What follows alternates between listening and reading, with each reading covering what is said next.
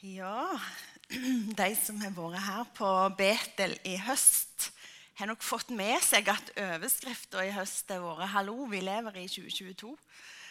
Um, og jeg har prøvd å få med meg de fleste talene på podkast hvis jeg har vært på søndagsskolen og ikke hørt de her i salen. Og jeg syns at det har vært utrolig mye bra og variert som har blitt delt. Og nå har jeg blitt spurt om å dele noe, og så kommer vi mot slutten av året, og jeg tenker hallo, de fleste gode temaene er jo tatt. Jeg lurer på om jeg heller begynner å snakke om 2023. Så jeg har tenkt kanskje jeg skulle sagt noe sånn som 'løft øynene og se', vi er snart i 2023.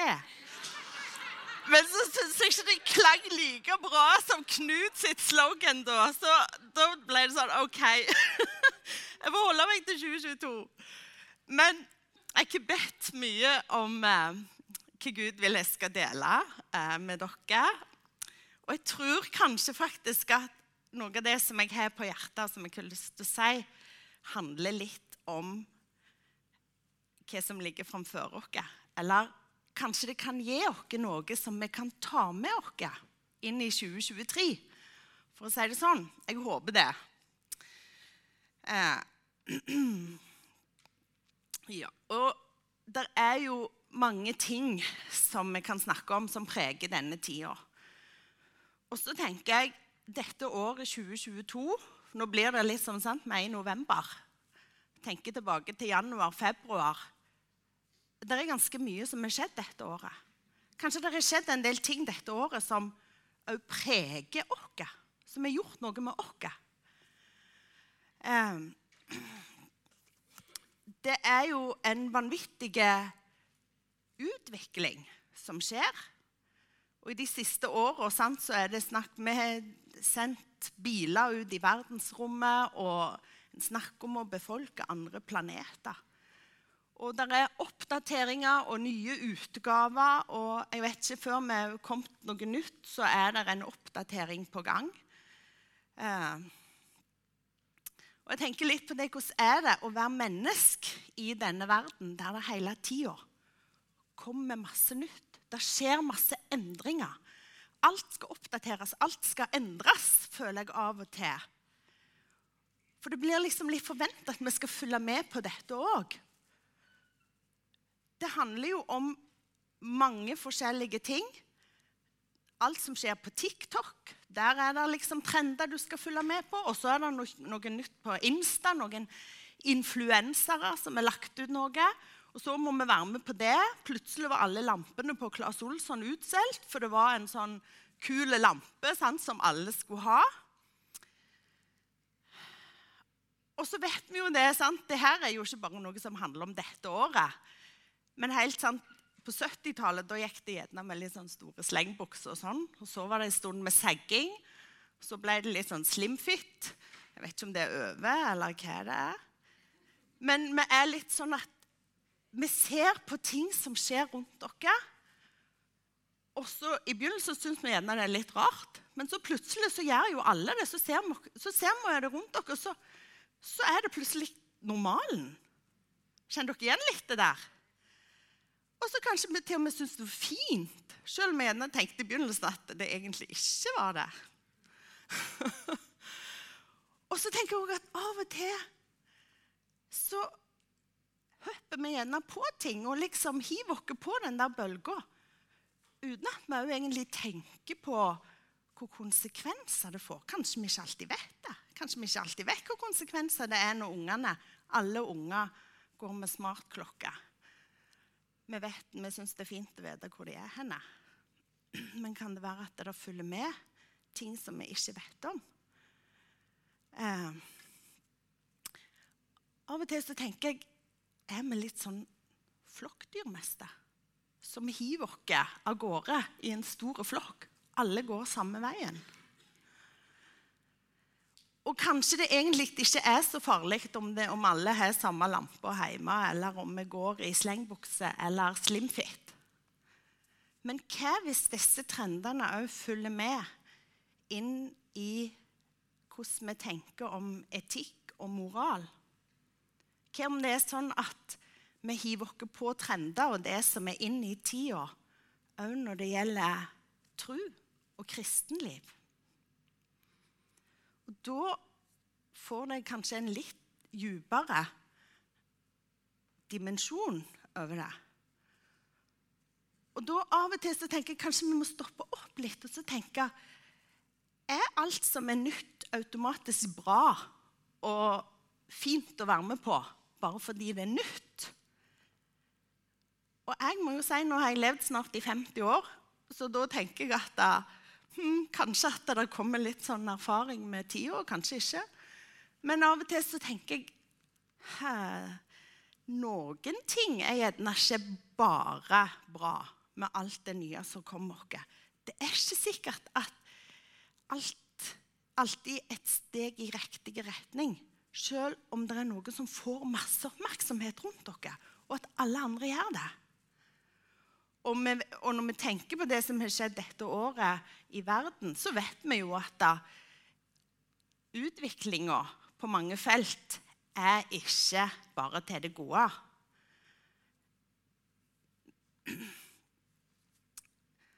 Eh, hvordan vi fordeler godene på kloden vår, og hvordan noen tenker at de vil oppdatere europakartet. Pandemi og ting som har fulgt i kjølvannet av den. Vi vet at det er ikke bare gode ting, det som kommer imot dere. Og så tenker Vi også kjent hvor sårbare vi er midt i den supermoderne verden som vi lever i. Kanskje noen har følt litt at denne her verden har blitt snudd på hodet. For vi har tenkt at vi bor i Norge supertrygt og billig strøm. Og ja, de fleste klarer seg ganske bra. Og så kjenner vi at bare i løpet av noen måneder så er det blitt krig på vårt kontinent. Mat- og strømpriser øker, og i begynnelsen tidligere i år så snakket de om kanskje vi her i Norge må ha strømrasjon. Strømrasjonering. Det er ikke nok vann. Ok. Det var det ikke så mange som hadde trodd for noen år siden, tror jeg. Vannmagasinene kan bli tomme. Droner og sabotasjer kommer rett kommer, skjer rett rundt her som vi har tenkt trygge Norge. What? Og så er det det at politikerne de driver også og snakker om ting der kan det òg være at det kommer forslag om lovendringer på ting som for 50 år siden folk ble satt i fengsel for å gjøre. Nå er det forslag om at det skal fremmes i skole og i samfunn. Og det blir tatt inn i kirka. Og Jeg har lyst til å ta med og vise dere en artikkel som jeg fant i Dagen. Skal vi se om vi får dette her til. Se der. Dette var fra september. Så fant jeg en artikkel i avisen Dagen. Og Overskriften var 'Pastorer mener at du blir frelst av gode gjerninger'. Og Dette er en undersøkelse som er gjort i USA. Over hele kontinentet blant ca. 1000 eh, amerikanske pastorer, kristne. Jeg tror det var veldig forskjellige, over forskjellige kirkesamfunn da. Men det er Cultural Research Center som har gjort den undersøkelsen. Og noe av det som kom fram, overraska forskerne, skrev de. Tre av ti evangelikale pastorer tror ikke at, er, at frelse er av om vi tar imot Jesus som vår frelser eller av synsbekjennelse. Over en tredjedel av hovedpastorene mener at det heller å være et godt menneske om du ønsker deg til himmelen. 39% av pastorene mener at det ikke fins noen absolutte moralske sannheter, og at hvert enkelt menneske må finne sin egen sannhet. Og mest like mange mener at det er viktigere med en eller annen form for tro enn å tro på en bestemte Gud. Og så står det at rapporten fra eh, CRC de konkluderer med at stadig flere pastorer er i ferd med å miste sin tro på Bibelen. Mange forkaster grunnleggende kristne sannheter. Og så kommer det også samtidig fram at mange av pastorene som har svart, de mangler åndelige rutiner. De leser ikke fast i Bibelen, de ber ikke, de lovsynger ikke og tilber ikke Gud daglig. Så den rapporten tar altså pulsen på amerikanske eh, pastorer sine holdninger over hele landet. Og jeg tenker at det er ikke så veldig Eller det er kanskje nærliggende å tenke at det gjerne tar pulsen litt på menigheter og folk som er kristne borti USA. At det ikke bare er pastorene. Men det sier han ingenting om. Og så tenker vi igjen at USA altså, det er jo et stykke unna. Sånn er det ikke her. Og det kan godt være at stemmer er veldig bra, at det ikke er sånn her. Men i denne artikkelen i dagen så har de intervjua en som heter Ro, Roald Seifert. Jeg tror det ble riktig. Roald. Ja. Ålgård, sant? Var, jeg skjønte at det var et eller annet, for han jobba i Kristiansand eller noe sånt, og virka som han er tilknyttet HLT i Oslo. OK, fra baptistkirka på Ålgård, sier Anders. Veldig bra. Det han sier, det er at det som skjer i USA, har stor påvirkning på oss. Jeg tror mye utvikler seg den samme veien i Norge, sier han. Han har drevet med en del forskning på, på uh, trosliv i Norge, etter jeg forsto. Og så tenker jo jeg, Når jeg ser dette, så tenker jeg OK, hva skjer? Hva venter dere i 2023? En kan jo bli litt sånn rusta, for jeg tenker det her er det liksom ting som blir snudd litt opp ned. Eh, og da er det sånn at om du velger ei bukse med sleng eller ikke, så tenker jeg OK, det er liksom ikke så viktig. Vi kan velge vekk den slengen. Men om vi begynner å velge vekk eh, sentrale deler av evangeliet, det tenker jeg er jo faktisk litt mer alvorlig. Ganske alvorlig. Så kanskje egentlig talen skulle hett 'Våk og be'. Vi er snart i 2023. Nei da. Nei, men jeg har ikke landa på en sånn underoverskrift på denne talen. Det heter bare 'Hallo, vi er i 2022'. Men i, for noen år siden så var familien vår i Portugal. Og da var vi på et sånn et punkt, det mest vestlige Jeg husker ikke, men iallfall langt vest. Og det var noen sånn flotte klipper og veldig sånn turistattraksjon. Og det var en sånn plass som mange turister reiser. Og vi for der med familien og tok bilder. Og da var det sånn ja, Hvor mange meter aner jeg ikke, men langt ned. Sant? Det var liksom et stup klippe rett ned i sjøen. Eh, 50-100 kanskje mer meter. Og det var ganske rett ned, men de hadde sett en mur. Heldigvis da, på innsida. Men det var kanskje to meter sant, ifra muren og bort til klippene begynte. Og så sto det noen store skilt. Eh, at du kunne få ei bot hvis du hoppet over den muren. Den var relativt høy. Og sånn. Og vi gikk der ganske lenge og tok bilder og bare nøyt utsikten når det var vind. og vi bare syntes det var herlig å være der. Og så plutselig så, så var det ei dame som sto der som hadde en litt stor hatt. Og så ble den tatt av vinden og landa fint på andre sida av muren. På utsida. Og så husker jeg, så var det Først var det liksom mange som bare sto litt sånn, og bare, for det fikk jo litt oppmerksomhet. Og så var det en som tok eh, sats, hoppet over muren og så bare kjapt grabbet denne hatten. Det var sikkert sønnen eller noe sånt. Og så hoppet jeg tilbake og ga den. Men så gikk det ikke mange sekunder før det var en som fant ut at ja, han ble jo ikke blåst på sjøen. Jeg tror det er bedre uh, utsikt til å ta bilde hvis jeg står på andre sida av muren. Så tror du ikke han hoppet over og snudde seg og tok bilde, knipsa. I løpet av fem minutter så sto det flere folk på utsida av den muren enn på innsida. Husker du det, André? Og jeg står der og har høydeskrekk. Jeg klarte mest ikke å se på. Jeg synes det var bare helt forferdelig. Eh, da var det ingen som datt ned. Eh, det gikk bra. Men for meg så ble det en sånn Hva skjer, liksom? Hvorfor var det plutselig lov? Bare fordi at en hatt blåste over muren, så skulle alle over der. Ja. Eh, jeg tror kanskje at dere kjenner, kjenner igjen litt fra samfunnet vårt.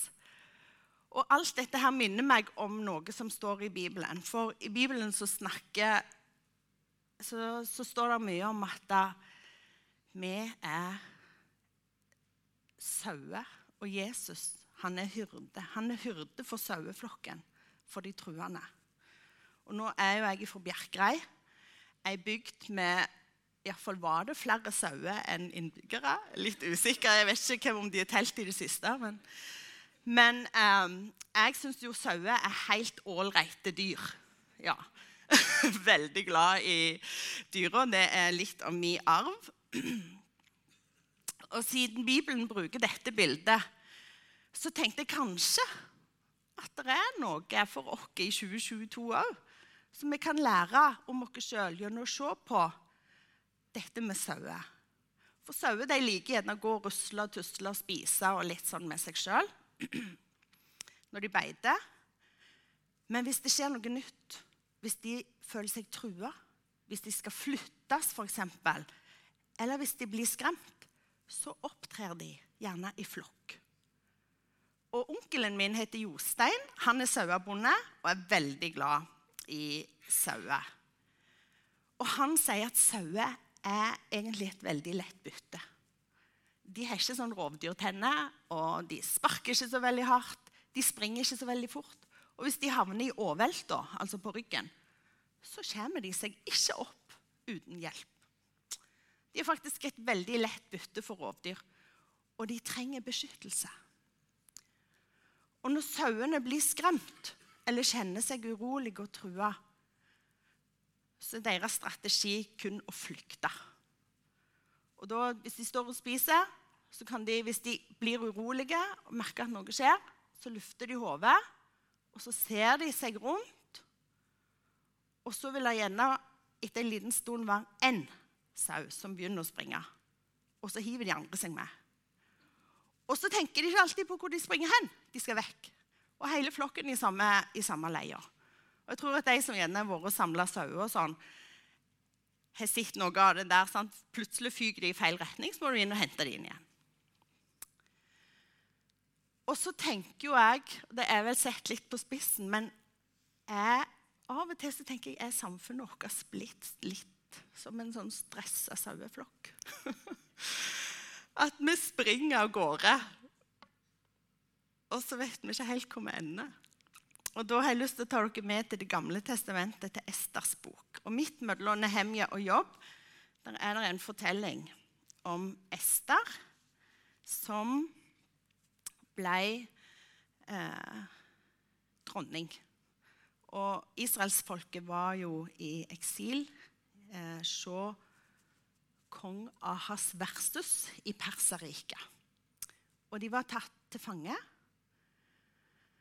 Eh, men når kongen skulle ha ny dronning, så valgte han Ester. Han visste ikke at hun var av jødefolket. Og så var det sånn at Noen med menn av kongens slott tålte ikke at jødene ikke fulgte sine egne lover og ikke falt på kne og kasta seg ned framfor kongens stormenn. Og Derfor fant de ut alle jødene skulle utryddes.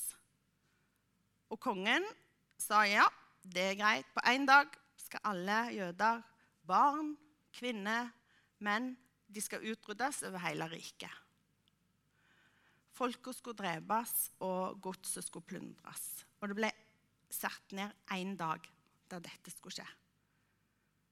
Og etter hvert som folk fikk vite om dette, så ble det jo ramaskrik, og de eh, jamra og gråt, kledde seg i sekk og aske. Og så er det Ester på Slottet som ble kontakta via en sånn tjener fra Mordekai sin fosterfar, som sier Nå må du gå inn til kongen og be om nåde for oss, for folket. Og Ester sin reaksjon det var jo Jeg kan ikke gjøre det. Jeg kan jo dø. Jeg kan miste livet. Jeg har ikke lov å ta kontakt.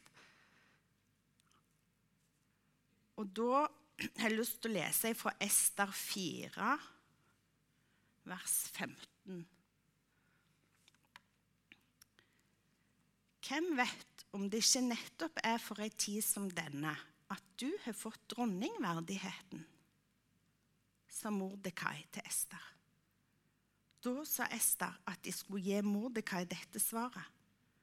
Gå av sted og forsamle alle jøder som fins i Susan, og hold faste for min skyld, så dere verken eter eller drikker noe i tre døgn, natt eller dag. Jeg og mine unge piker vil også faste på denne måten. Og så vil jeg gå inn til kongen, ennå det ikke stemmer med loven. Skal jeg da omkomme, så får jeg omkomme. Mordekai gikk bort og gjorde alt det som Ester hadde pålagt ham. Og så står det videre at Ester fasta og ba, folket fasta og ba. Og så gikk Ester inn til kongen, og han viste henne nåde. Og hun fikk komme fram med sitt budskap.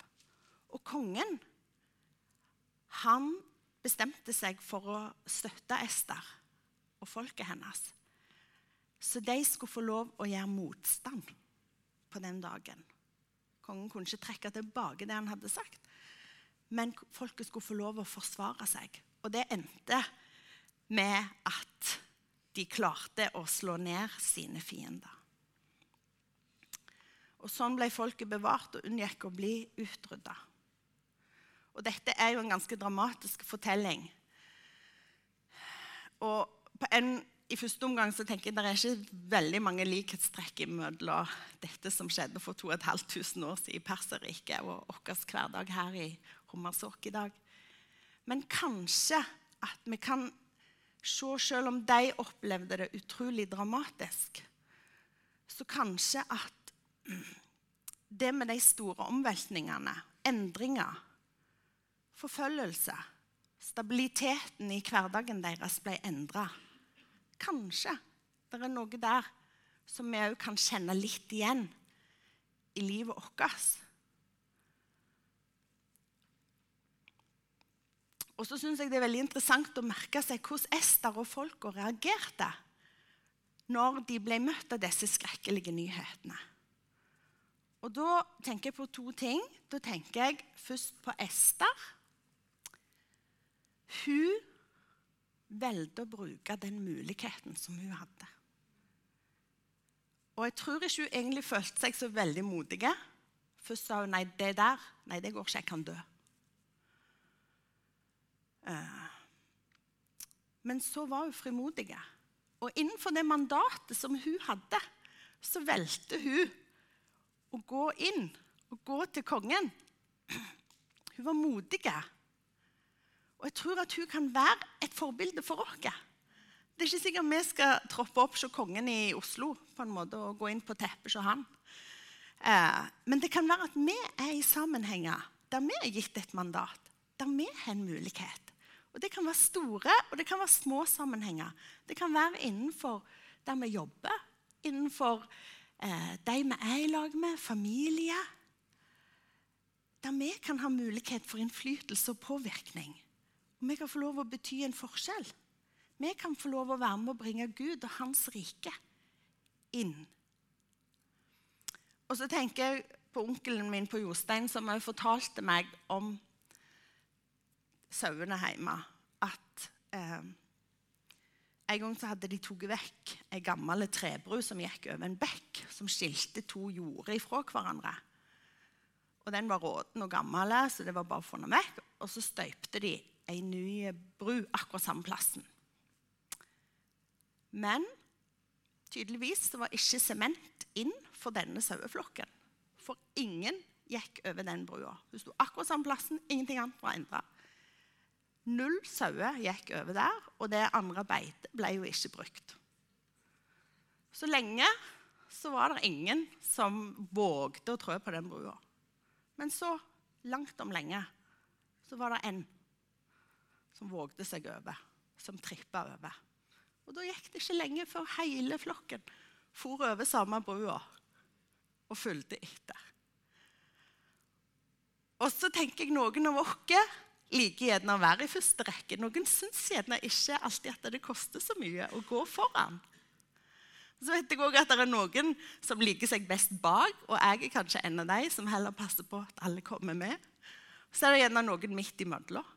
Og så tenker jeg uansett om vi er de som liker å være framme, eller som kanskje er bak, så kanskje at vi har sammenhenger der vi faktisk kan få lov å stå opp for det som er sant. Stå opp for det som vi vet, og som vi vil holde fast på, og som vi tror på. Og kanskje vi òg kan få lov å være med å bane vei for noen andre. Selv om det kanskje kan koste, og selv om vi ikke ennå kjenner noen av oss at vi må være mer modige enn vi egentlig føler at vi er. Og sånn som Ester bana vei for folket sitt, så så vi at Gud var med. Og det andre som jeg tenker denne historien kan vise oss, det er at når Ester opplevde, og folket opplevde disse vonde tingene som møtte dem, så vendte de seg til Gud. De gikk inn i bønn og faste og henta styrke hos Gud. Og jeg tenker at Der har vi òg kanskje noe å lære. For hvordan, vi, hvordan reagerer vi kanskje når omstendighetene endrer seg? Når vi kjenner at ting vakler? Kanskje vi opplever uventa ting og krise. Verden blir snudd opp ned. Det vi trodde sto fast som fjell, kan begynne å shake. Kanskje vi kommer med spørsmål til Gud, og det har vi lov til. Av og til så kan det være veldig vanskelig å se Gud oppi det som skjer. Og så tenker jeg men er løsningen da å kanskje vende seg vekk fra Gud og søke løsninger i intellektet vårt, altså i menneskelige strukturer. Nei, jeg tror vi må være våkne og bevisste. Sånn at vi unngår å på en måte bli dratt med i alt som er inn, og alt det som alle andre gjør. Det som er oppe i tida, uten at det kanskje er prøvd mot Guds ord. Og I apostelgjerningene så står det om Paulus og Silas som kom til Berøa. Der tok folket imot ordet og de granska Skriftene om det forholdt seg slik som det ble sagt, står det i apostelgjerningene 1711. Og jeg tror at det er nettopp det.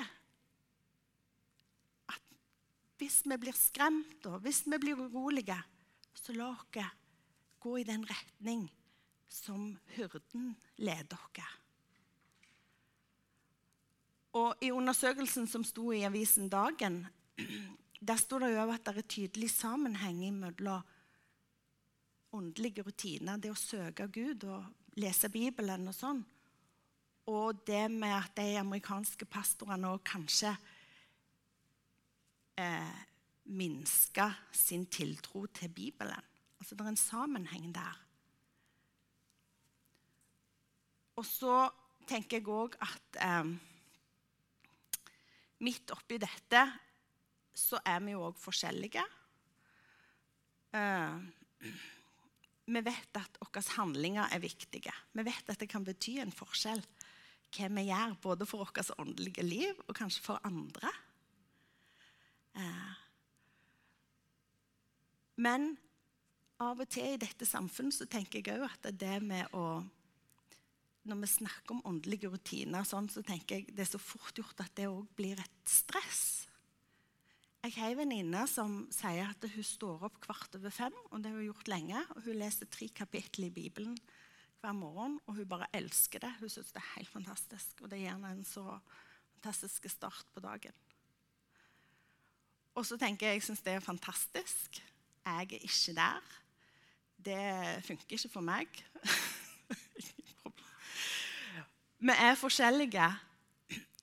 Men jeg tenker også liksom, Det handler ikke egentlig om hvor mange kapittel vi leser i Bibelen til dagen.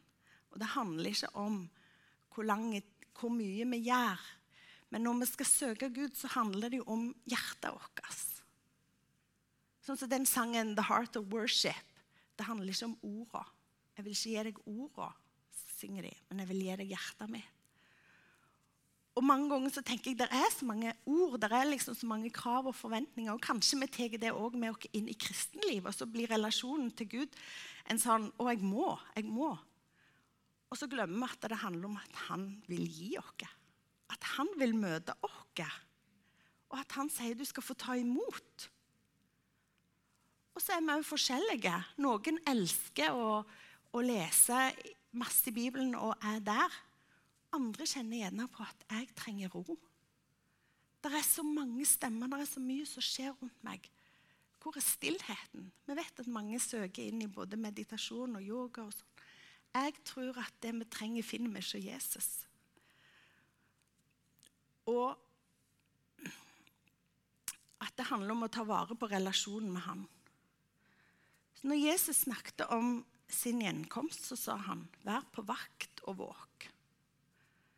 Og vi vet ikke hva som møter dere i 2023 og lenger framme.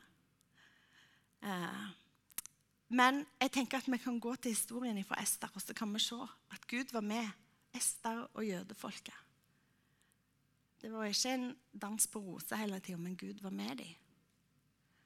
Og så, uansett hva livet gir oss av store eller små utfordringer, så vet vi at vi kan hvis vi holder oss tett til Jesus, så er han med oss. Han har lovt å være med oss. Så la dere ikke komme vekk ifra han som er opphavet, han som er alfa og omega, begynnelsen og enden. Han som sier, 'Frykt ikke, du Israels lille flokk. Jeg hjelper deg.' Og Guds ord er fremdeles aktuelt, både i 2022 og 2023. Så når 2023 kommer, la dere løfte blikket og holde blikket festa på Jesus. Og se, jeg er med dere alle dager, sier Jesus. Ja. Takk, gode himmelske Far, for at du er med oss. Takk for at dine ord er sannhet i enhver tid som vi lever i. Og nå bare ber jeg om at du velsigner oss, Jesus, med din velsignelse, og la oss få kjenne, Herre, at vi ikke er alene, men at du viser oss veien. Amen.